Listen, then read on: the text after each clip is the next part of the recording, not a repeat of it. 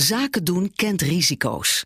Eén misstap en een succesverhaal wordt een fraudeschandaal met een forse boete. Hoe legt u dit uit aan aandeelhouders of rechter?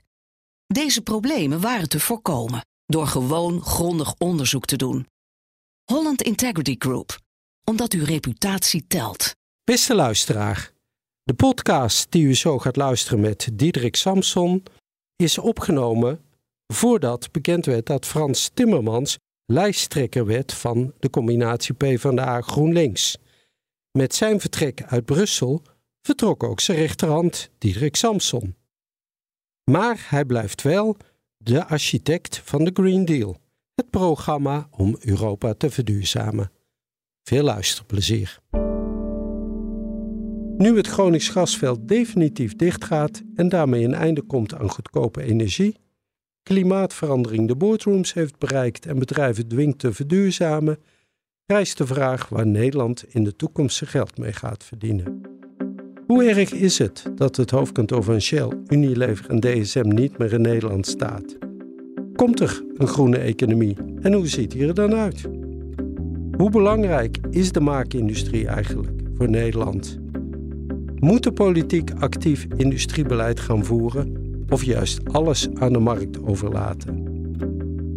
Ik, Pieter Kouwenberg, ga samen met mijn collega Bert van Dijk op zoek naar het toekomstig verdienmodel van Nederland.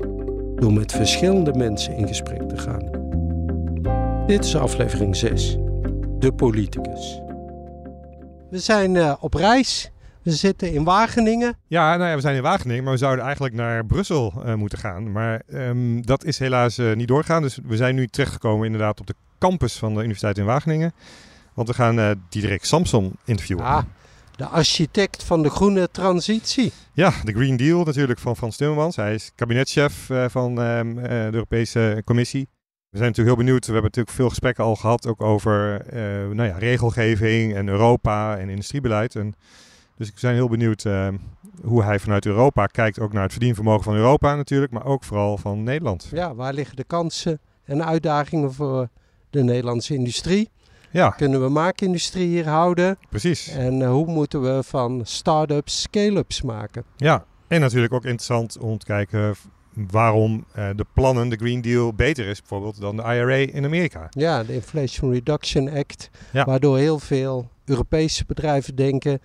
Onze nieuwe investeringen gaan we toch maar in Amerika doen, want energie is daar goedkoper ja. en de subsidie is fantastisch. Ja, dus Europa die moet, daar, moet daar wel iets mee en die heeft natuurlijk een groot pakket maatregelen, maar um, ja, is dat voldoende en weten we daar de bedrijven mee te houden?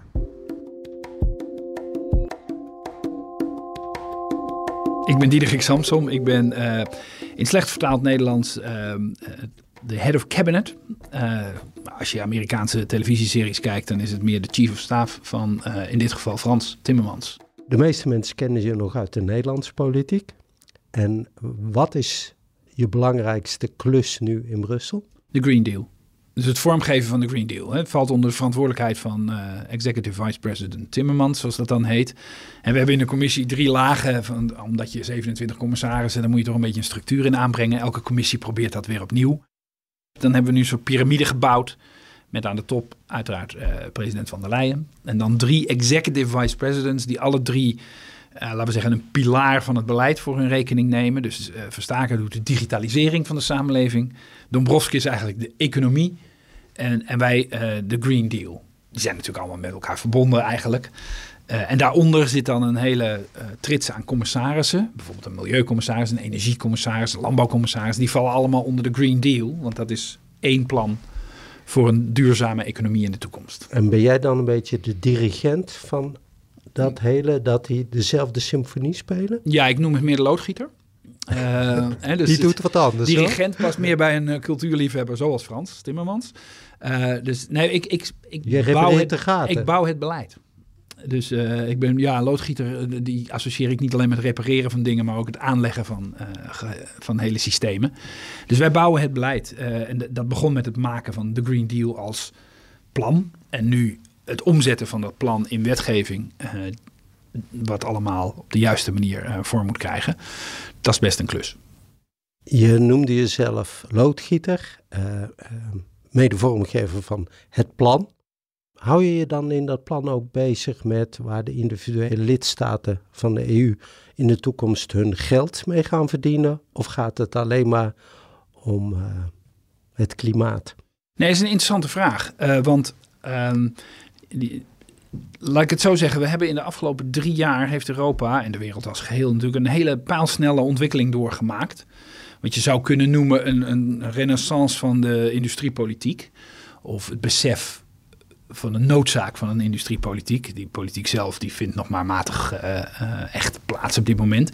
En dat is niet zo vreemd. Als je kijkt, hè, vier jaar geleden, toen we de Green Deal maakten, 2019. Toen rekende dus inderdaad met enorme precisie uit hoeveel zonnepanelen, windmolens, elektrische auto's, warmtepompen, batterijen, electrolyzers we allemaal nodig hebben om een volledig duurzame, gedecarboniseerde uh, economie te bouwen.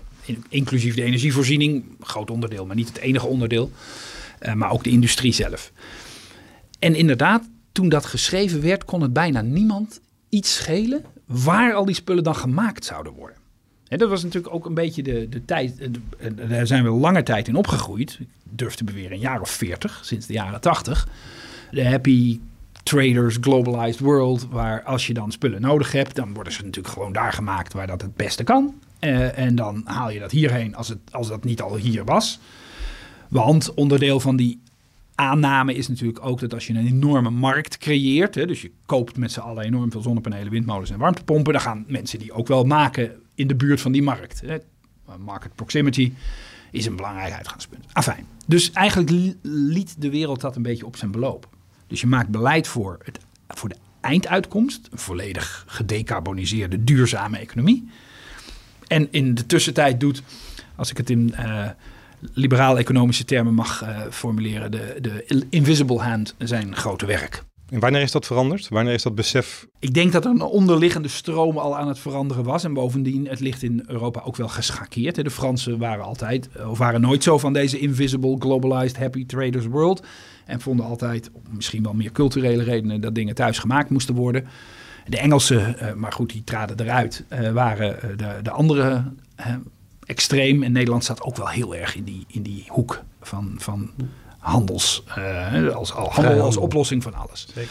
En wanneer is dat veranderd? Zijn eigenlijk natuurlijk de twee grote gebeurtenissen van de afgelopen drie jaar. De pandemie en de oorlog. De pandemie maakte duidelijk dat waardeketens, productieketens onderbroken kunnen worden door iets waar we helemaal nog geen rekening mee hadden gehouden, namelijk een pandemie. Waardoor iedereen binnen zit en spullen niet meer verplaatst kunnen worden. Of minder makkelijk verplaatst kunnen worden. Of helemaal niet meer gemaakt worden. Terwijl je ze wel heel hard nodig was. Tweede gebeurtenis, die heeft Nederland meer geraakt. Uh, en heeft ook meer consequenties in Nederland, denk ik, is die oorlog. Waarbij we opeens ontdekten dat, Energie. dat Europa zich 30 jaar lang geslaapwandeld had in een totale overafhankelijkheid uh, van de, voor de meest belangrijke grondstof van onze samenleving, hè, onze, onze welvaart, energie en dan ook nog eens aardgas, van één, één leverancier die al nooit heel vriendelijk was en op dat moment natuurlijk een rechtstreekse vijand werd. En nu is uh, Nederland wakker geworden? Ja, maar heel zeggen? Europa, hè, want de, de, heel Europa? Nederland liep ook daar weer heel erg in de voorhoede, maar de, de voorste partij was natuurlijk uh, Duitsland, daarna Italië en dan Nederland. Als het ging om overafhankelijkheid van die ene, uh, ene supplier. Um, en nu zie je dus opeens, en dan ga ik even terug naar toen we de Green Deal schreven. Toen interesseerde dus niemand waar die spullen gemaakt werden. En nu hebben we de zogenaamde Net Zero Industry Act. Beetje een rare naam, maar het is gewoon een industriepolitiek wet. Die, waarbij we letterlijk, we slaan bijna door naar de andere kant, gewoon hebben opgeschreven: 40% van de zonnepanelen die we nodig hebben, gaan we hier maken. Punt. En dat geldt ook voor warmtepompen. En ook voor uh, windmolens. En dat geldt ook voor electrolyzers. Uh, en zelfs op nucleair hebben we daar een, een, een, een, een voetnoot of een nou ja, subdoelstelling voor geformuleerd. Kijk, die 40 procent, out of a hat zou je bijna zeggen, dat, dat is een beetje een slag. Dus die moet wel verfijnd worden. Maar het geeft even aan dat we opeens met z'n allen ons realiseren... Hey, die spullen hier maken heeft ook wel een paar voordelen. Uh, Voordelen als er een pandemie uitbreekt, voordelen als er een oorlog uitbreekt. En misschien ook nog wel generieke voordelen. Het zal niemand verbazen dat de Fransen nu opeens wat, wat rechterop lopen door, uh, door de Brusselse gebouwen. En zeggen, zie je wel, wij hadden het altijd al gezegd. Want hoe vertaal je dat Europese, die, die, Europese industriepolitiek naar nationale overheden? Want je zou ook vanuit Europa kunnen denken, nou, we, hebben, we willen eigen een deel van onze productie zelf gaan doen. Waar kunnen we dat het beste in Europa doen? En zullen we met z'n allen proberen om het waar, daar waar het het goedkoopst, het best ja. kan, het meest efficiënt, om het daar te doen. Maar het lijkt alsof het nu aan de landen zelf hè, wordt overgelaten, min of meer. Ja, dat is voor een deel uh, gewoon uh, een, een, noodzaak. Eh, of laat zeggen, dat is gewoon voortkomend uit hoe wij Europa hebben gestructureerd. Het is geen federale staat. Dus er zijn 27 landen die zeggen: als jullie een plan hebben, mooi.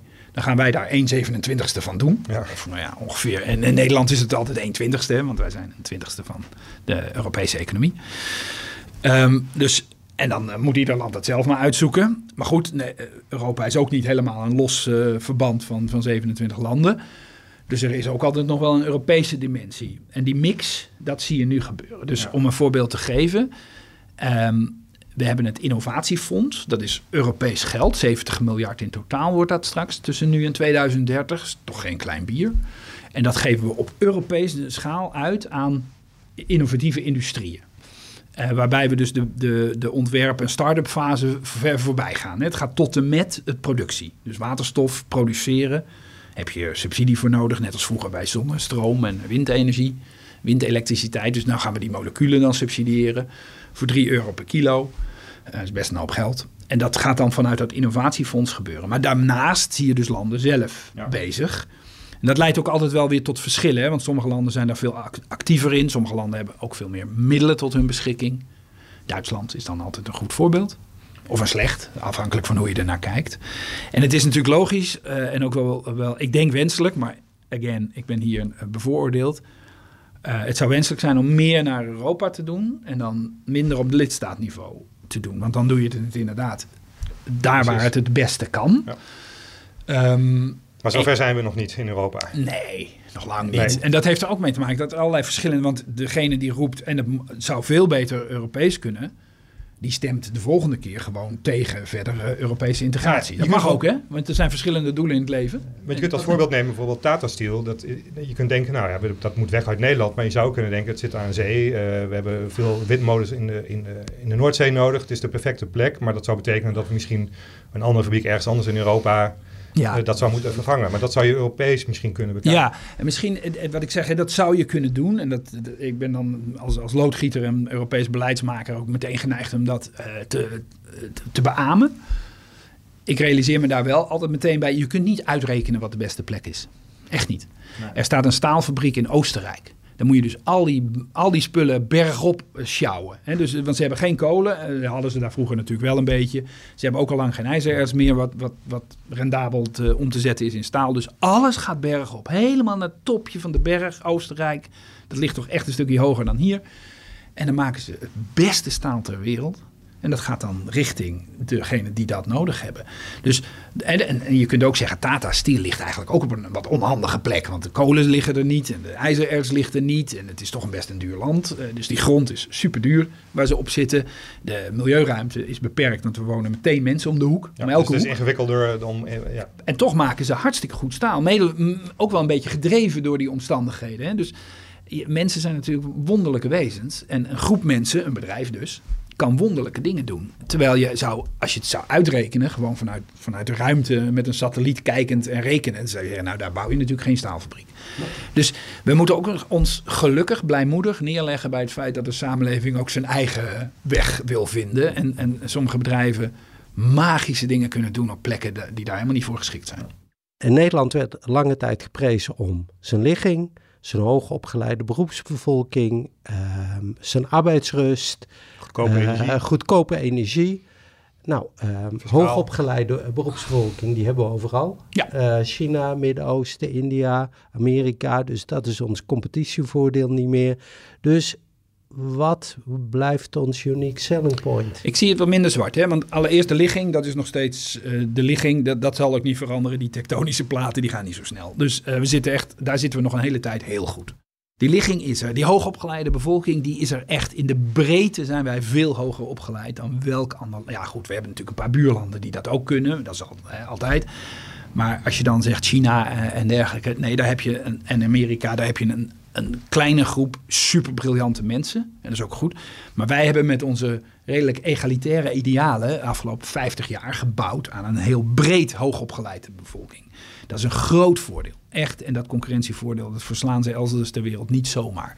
De arbeidsrust, hè, dus voortkomend uit die licht egalitaire idealen, waardoor de samenleving een zekere eerlijkheid kent. Ik bedoel, er houdt nog best te wensen over, maar vlieg 400 kilometer uit Nederland. Uh, je zult zien wat er, uh, wat er aan verschillen kan, uh, kan bestaan.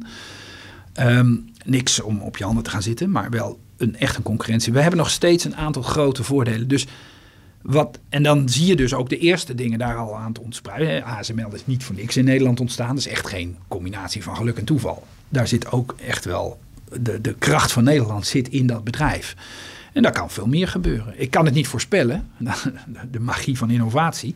Ik kan het niet voorspellen, maar je kunt wel enigszins optimistisch zijn over de kracht die Nederland heeft. Ook als ze die basisindustrie iets meer kwijtraakt dan nu. Want je zei uh, goedkope energie. Nederland is nooit een goedkoop energie-eiland geweest. We hebben natuurlijk heel veel gas tot onze beschikking gehad. Maar we hebben het nooit voor een habbekrats aan onszelf uh, verkocht. Soms wel een beetje aan de Duits. Maar uh, als je het over de afgelopen 30 jaar bekijkt, was energie in Amerika altijd 20% goedkoper dan hier. Altijd. En, en in China al helemaal. Hè? Maar goed. En toch hebben wij goed geconcurreerd met Amerika. Tot op de dag van vandaag. Dus wij kunnen dat, dat gat van 20% dekken met andere kwaliteiten die dat dus combineren. Komt ook deels omdat Duitsland natuurlijk uh, zwaar geïndustrialiseerd is, ook op basis van goedkope energie. Hè. Zij hebben natuurlijk ook goedkoop gas, waar wij natuurlijk als Nederland ja, als, als belangrijkste ook, exportland nog, heel, heel erg van hebben geprofiteerd. Klopt, maar, maar nogmaals, ook dat, dus onze energie wordt nu duurder. Ja. En het verschil met Amerika wordt ook groter. Het is groter dan 20%. Dus dat moet ook ons enigszins alert maken. Want je moet dat gat niet te groot laten worden. Maar het is wel zo dat een zeker gat kunnen wij. Of, we zijn natuurlijk ook altijd veel duurder qua arbeidskrachten geweest. Hè? En, en dus de, de doembeelden over dat de industrie Nederland zal verlaten ja, die, die achtervolgen ons sinds de afschaffing van de kinderarbeid, wou ik haast zeggen. Uh, het kinderwetje van Van Houten. Want daarmee sloeg je in één keer de allergoedkoopste arbeidspotentieel uit de samenleving. Kinderen, dat is niet zo goedkoop als dat. Gelukkig zijn we daarmee opgehouden. Ook toen al gingen er verhalen rond van ja, nou ja, daar redden we dus niet meer. Want we kunnen nooit concurreren met al die andere stukken van de wereld waar kinderarbeid de norm is. Helaas nog steeds op klein, gelukkig kleiner wordende delen. Maar vanaf dat moment hebben we allerlei, de 40-urige werkweek, eh, de, de, de, allerlei arbeidsvoorwaarden die natuurlijk ons buitengewoon uh, uit de markt concurreren, hebben we gecompenseerd met, met innovatie, met, met precisie, met creativiteit met kracht die we hebben. Want als je bijvoorbeeld kijkt naar Duitsland, daar zijn toch reële zorgen over de industrie die een deel van hun productie definitief nee, klopt. weghaalt. Die, En die zorgen zijn er ook altijd, en nogmaals, die zijn er ook altijd geweest. Af, we hebben de hele RSV-enquête niet voor niks uh, mogen beleven met z'n allen. Hè. Dus de scheepvaart kon op een gegeven moment gewoon niet meer op tegen de Koreanen en de anderen die veel goedkoper gesubsidieerd en uh, we zijn, heel, we zijn de textiel, iets verder terug de hele textielindustrie kwijtgeraakt. Dus natuurlijk, en, en het is ook geen reden om achterover te gaan zitten en zeggen, nou, het zal wel weer goed komen. Nee, elke keer opnieuw alert zijn is wel het motto. Maar als ik het anders mag formuleren, als dit, als dit dus al 150 jaar, eigenlijk sinds het begin van de industriële revolutie, als dit al een, een spanningsveld is, dan zou het toch raar zijn als het nu toevallig opeens allemaal stopt. Nee. Dat, dat, daar ga ik sowieso niet van uit. Maar goed, je moet wel je best blijven doen om die lijn door te trekken. Je sprak over Amerika. Die uh, blazen flink in de, in de pijp met uh, de IRA. Een ja. uh, steunpakket om de industrie een steuntje in de rug te geven in, ja. in de transitie. waarom is jouw Green Deal beter dan die IRA? Ik weet niet of hij beter is. Ehm, een aantal dingen over die IRA. Allereerst, het is helemaal niet zo gek of slecht dat Amerika nou eens een keer been bijtrekt op duurzame uh, ontwikkeling. Hè? Want dat is letterlijk wat het doet. Het, is een industriepolitiek gericht op groene uh, productie. Um, dus dat vind ik helemaal niet zo gek. En als ze dan ook nog eens inderdaad toevallig allerlei hele goedkope dingen gaan maken op kosten van de Amerikaanse belastingbetaler, waar wij dan van kunnen profiteren, is dat ook niet heel gek. Maar waar gaat het wringen? Uiteraard in die angst dat iedereen zijn biezen pakt en in Amerika de spulletjes gaat maken. Um, mag ik een gewaagde voorspelling doen? De IRA loopt vol in de muur. En dat gaat binnen nu en twee jaar gebeuren. En dat komt omdat uh, het een open einde belastingaftrek is. Nou hebben die, daar hebben we in Nederland ervaring mee. en ook in andere Europese landen, want wij waren al wat eerder begonnen met de zoektocht naar het beste beleid om duurzame productie te, te, ehm, te stimuleren. En eerlijk gezegd, niet voor niks kwamen wij ook als eerste, zeker in Nederland, uit bij, weet je wat, we doen een belastingaftrek. Gewoon voor iedereen hartstikke handig. Dat, dat was de 36i-regeling in de elektriciteitswet. Dus als je, dan voor een als je dan zonne-energie maakte, dan kreeg je niet 9, niet 12, maar op een gegeven moment zelfs 15 cent subsidie. Want je hoefde geen regulerende energiebelasting meer te betalen. En dat was, leek een geweldig idee. Totdat het hard ging. En toen liep het helemaal leeg. En toen wist de toenmalige uh, regering niet hoe snel ze moesten beëindigen. En zijn we overgestapt op een subsidieregeling die via een enorme onbeholpen hotse knotsen vallen en opstaan. Via de MEP en, naar de SDE is gegaan. Waar we allemaal best tevreden over zijn. En de, nou doen de Amerikanen exact hetzelfde. Maar in de tussentijd hebben Europese bedrijven een investeringsbeslissing genomen om die fabriek, om die groene, mooie groene spullen te in Amerika. Nee, ze hebben hun investeringsbeslissing uh, in Europa uitgesteld. Dat is, al, dat is al erg genoeg, zou ik haast willen zeggen. De waarheid is erg genoeg. Maar ze hebben nog geen investeringsbeslissing genomen om in, om in Amerika te gaan zitten. Want ook daar moeten nog wel een aantal dingen gebeuren. En maar goed, ik zei al, die wet is begroot op 300 miljard. Dat was al een uh, indrukwekkend getal.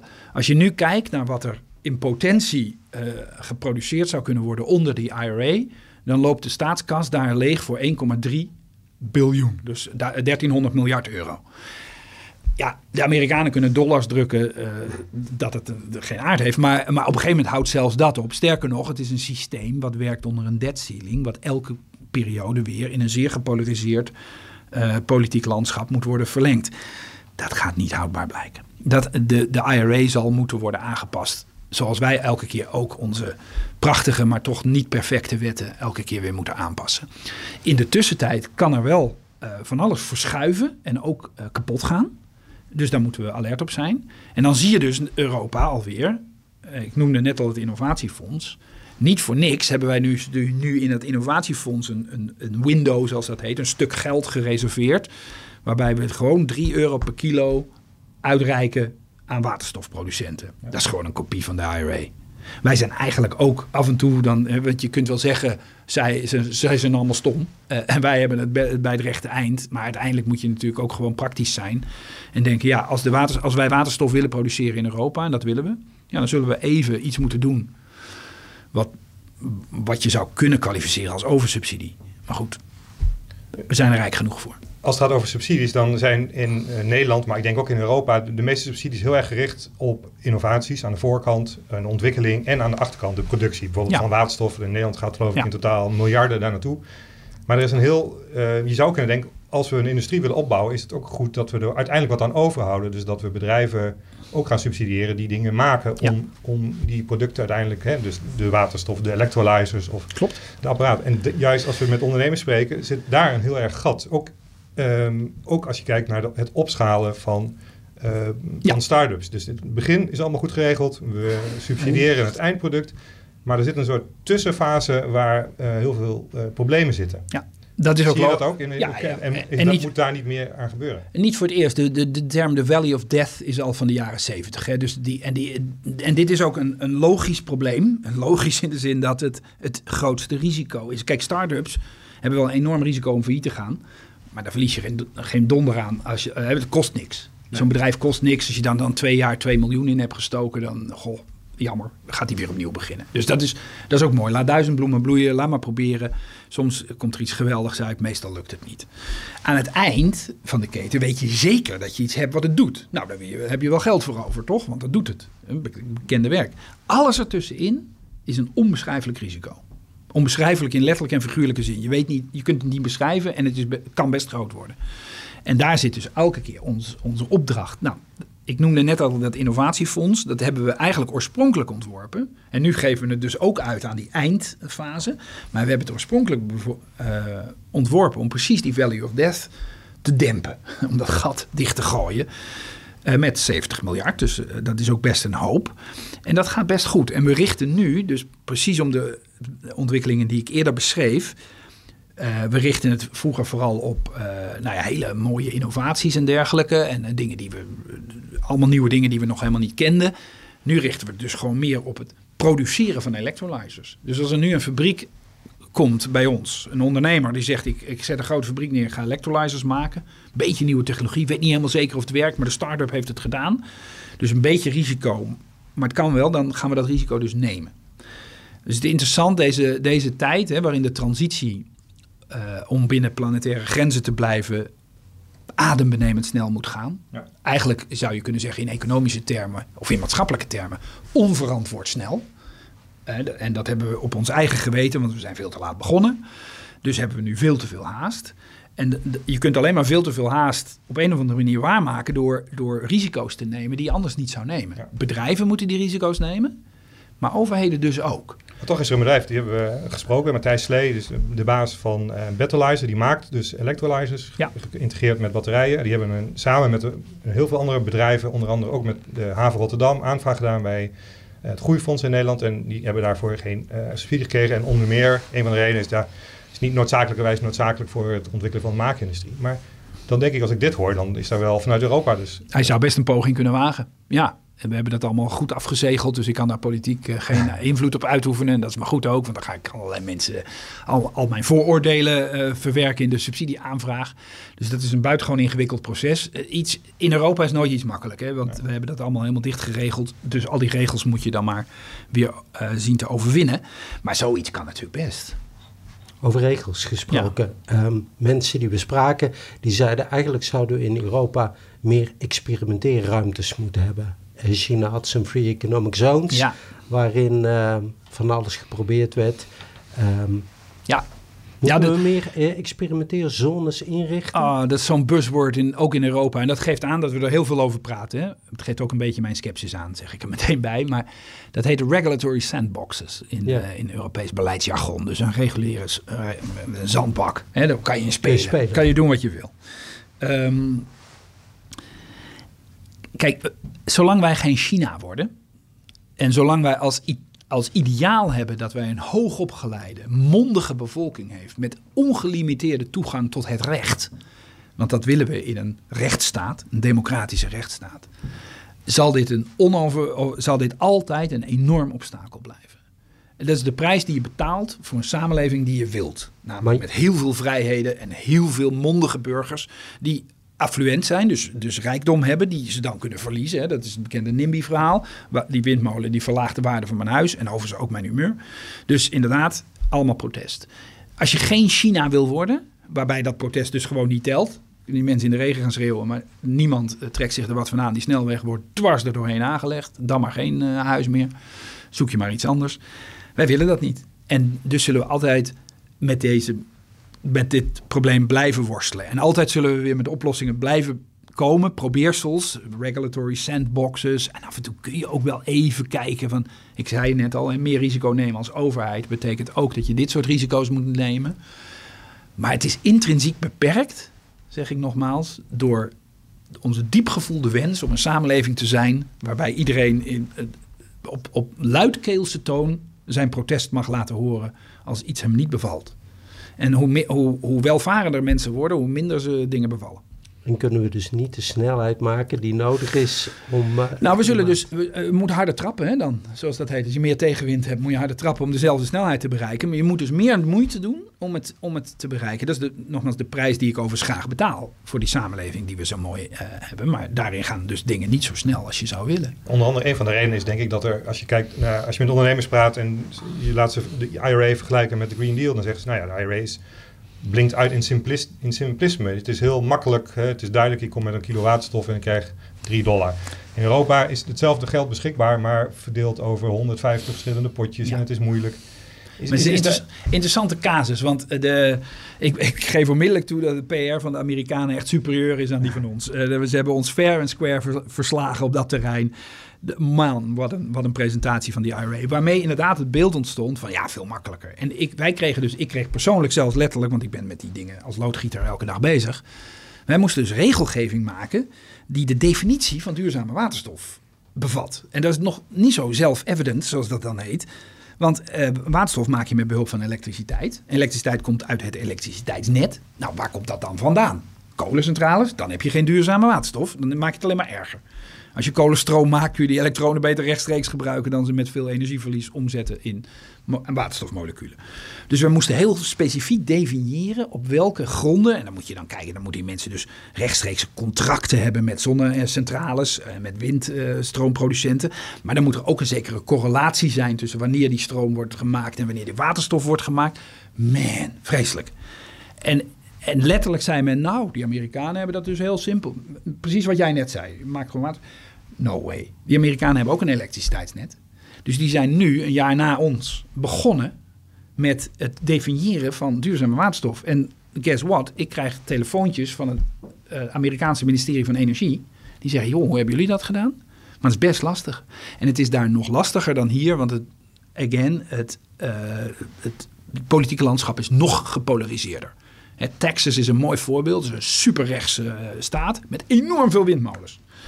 Uh, nou, de discussie hier over duurzame waterstof loopt helemaal vast in, in eigenlijk een soort fundi discussie over dat kolencentrales eigenlijk ook heel goed moeten zijn. He, sommige mensen, nou ja, Trump en, en zijn volgelingen vinden dat. In, in Europa heb je die discussies over als het gaat om kernenergie. Waarbij de, de, de, het debat niet zo heel rationeel meer is, maar gewoon religieus voor en religieus tegen en dan head-on. En meestal komt er niet iets moois uit zo'n, zo'n botsing.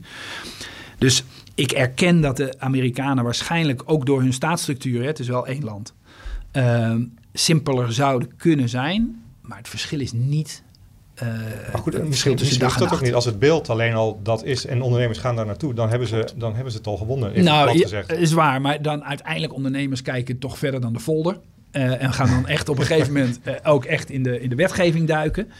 En dan is die financial investment decision toch, toch iets ingewikkelder. Maar goed, blijft staan. En ik denk eerlijk gezegd dat dat het grote voordeel is. Als ik met ondernemers spreek, dan zeggen ze ja, Amerika is gewoon een, een, consumentenmarkt van 260 miljoen mensen.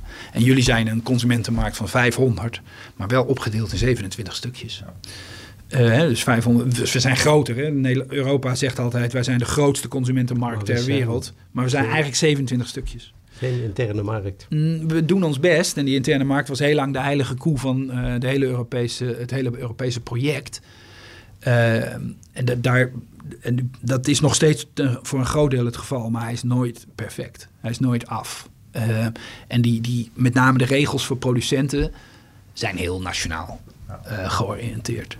Er zijn economen die zeggen onze unieke kennis hier in Wageningen, Landbouwuniversiteit, uh, Food en Agri en de chipindustrie in Eindhoven, unieke kennis daar.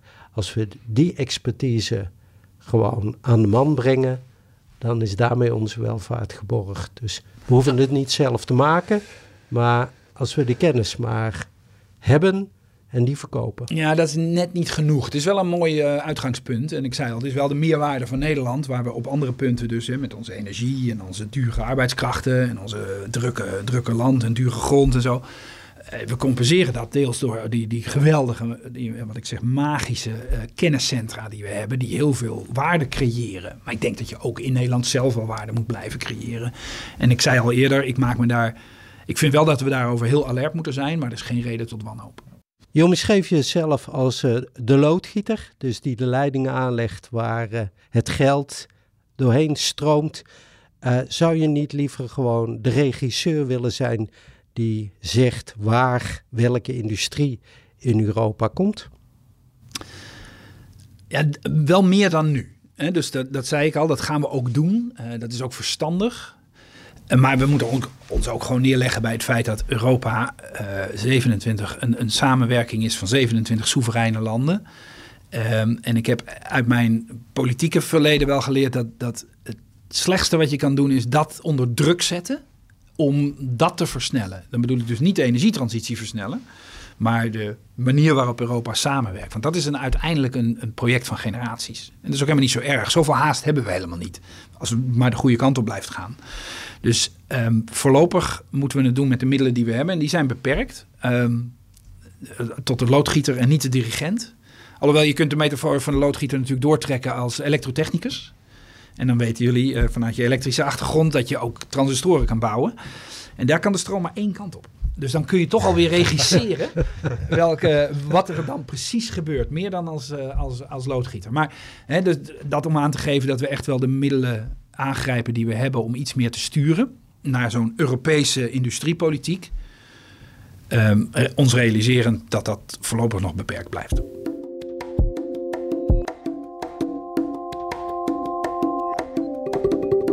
Oké Pieter, we zitten weer eh, in de studio bij het FD. We zijn terug. We hebben de serie eh, achter de rug. We zijn net terug van Samson, Diederik Samson. En ehm, nou ja, zes gesprekken gehad. Eigenlijk nog ietsje meer, maar zes grote gesprekken.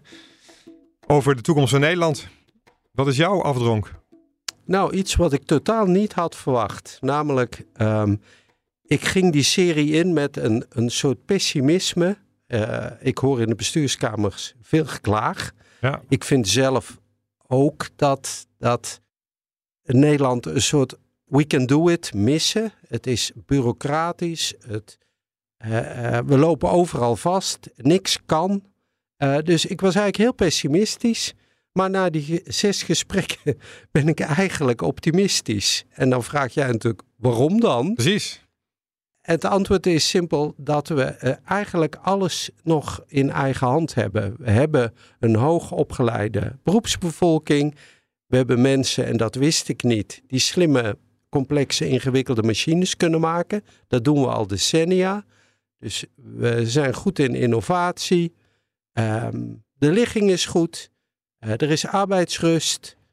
Um, maar ja. we missen wel iets. Ja. En, en daar heb ik lang over nagedacht in de auto, bij jou in de auto. En eigenlijk is volgens mij de essentie dat we uh, het gevoel van urgentie niet hebben. We zijn verzadigd, een beetje gemakzuchtig. We denken dat we goed komt. We zijn verwend geraakt een beetje in Nederland, denk ik. Dat is het goede woord. We zijn verwend geraakt en we hebben niet de sense of urgency bij de wederopbouw na Wereldoorlog 2, lang geleden. Maar ook niet de sense of urgency na de watersnoodramp. Nee. Ook alweer een hele tijd geleden. Maar waarin iedereen het gevoel had, uh, de tegenstellingen opzij. We gaan samen Nederland ja. veiliger, beter maken. En dat, dat, dat zie je helemaal niet. Nee. nee, dat vind ik ook. En dat, en dat zie je ook in de politiek. is natuurlijk enorm versnipperd. Iedereen gaaft zich in. Er is helemaal geen wil meer eigenlijk vaak om samen te werken. Iedereen heeft zijn standpunt geformuleerd en, en, en, ja, gaat eigenlijk overal voor liggen. Dat gaat op heel veel terreinen. Dus aan de ene kant zou je veel meer moeten polderen. Maar ja, aan de andere kant wil je eigenlijk ook dat je een kabinet hebt die nou wel eens doorpakt. En regels misschien wat minder ja, uitbundig maakt of daar wat in schrapt, wat sneller gaat. En daar zit volgens mij wel de winst. Want er is wel wat aan de hand. We gaan wel deglobaliseren. Dat is eigenlijk al aan de gang. Dus we, en wij zijn natuurlijk een uitstek een handelsland. Dus we moeten het steeds meer zelf gaan doen. Concurrentie in China, waar ze ja, niet uh, een sabbatical nemen na een jaar werken, waar ze gewoon doorpakken.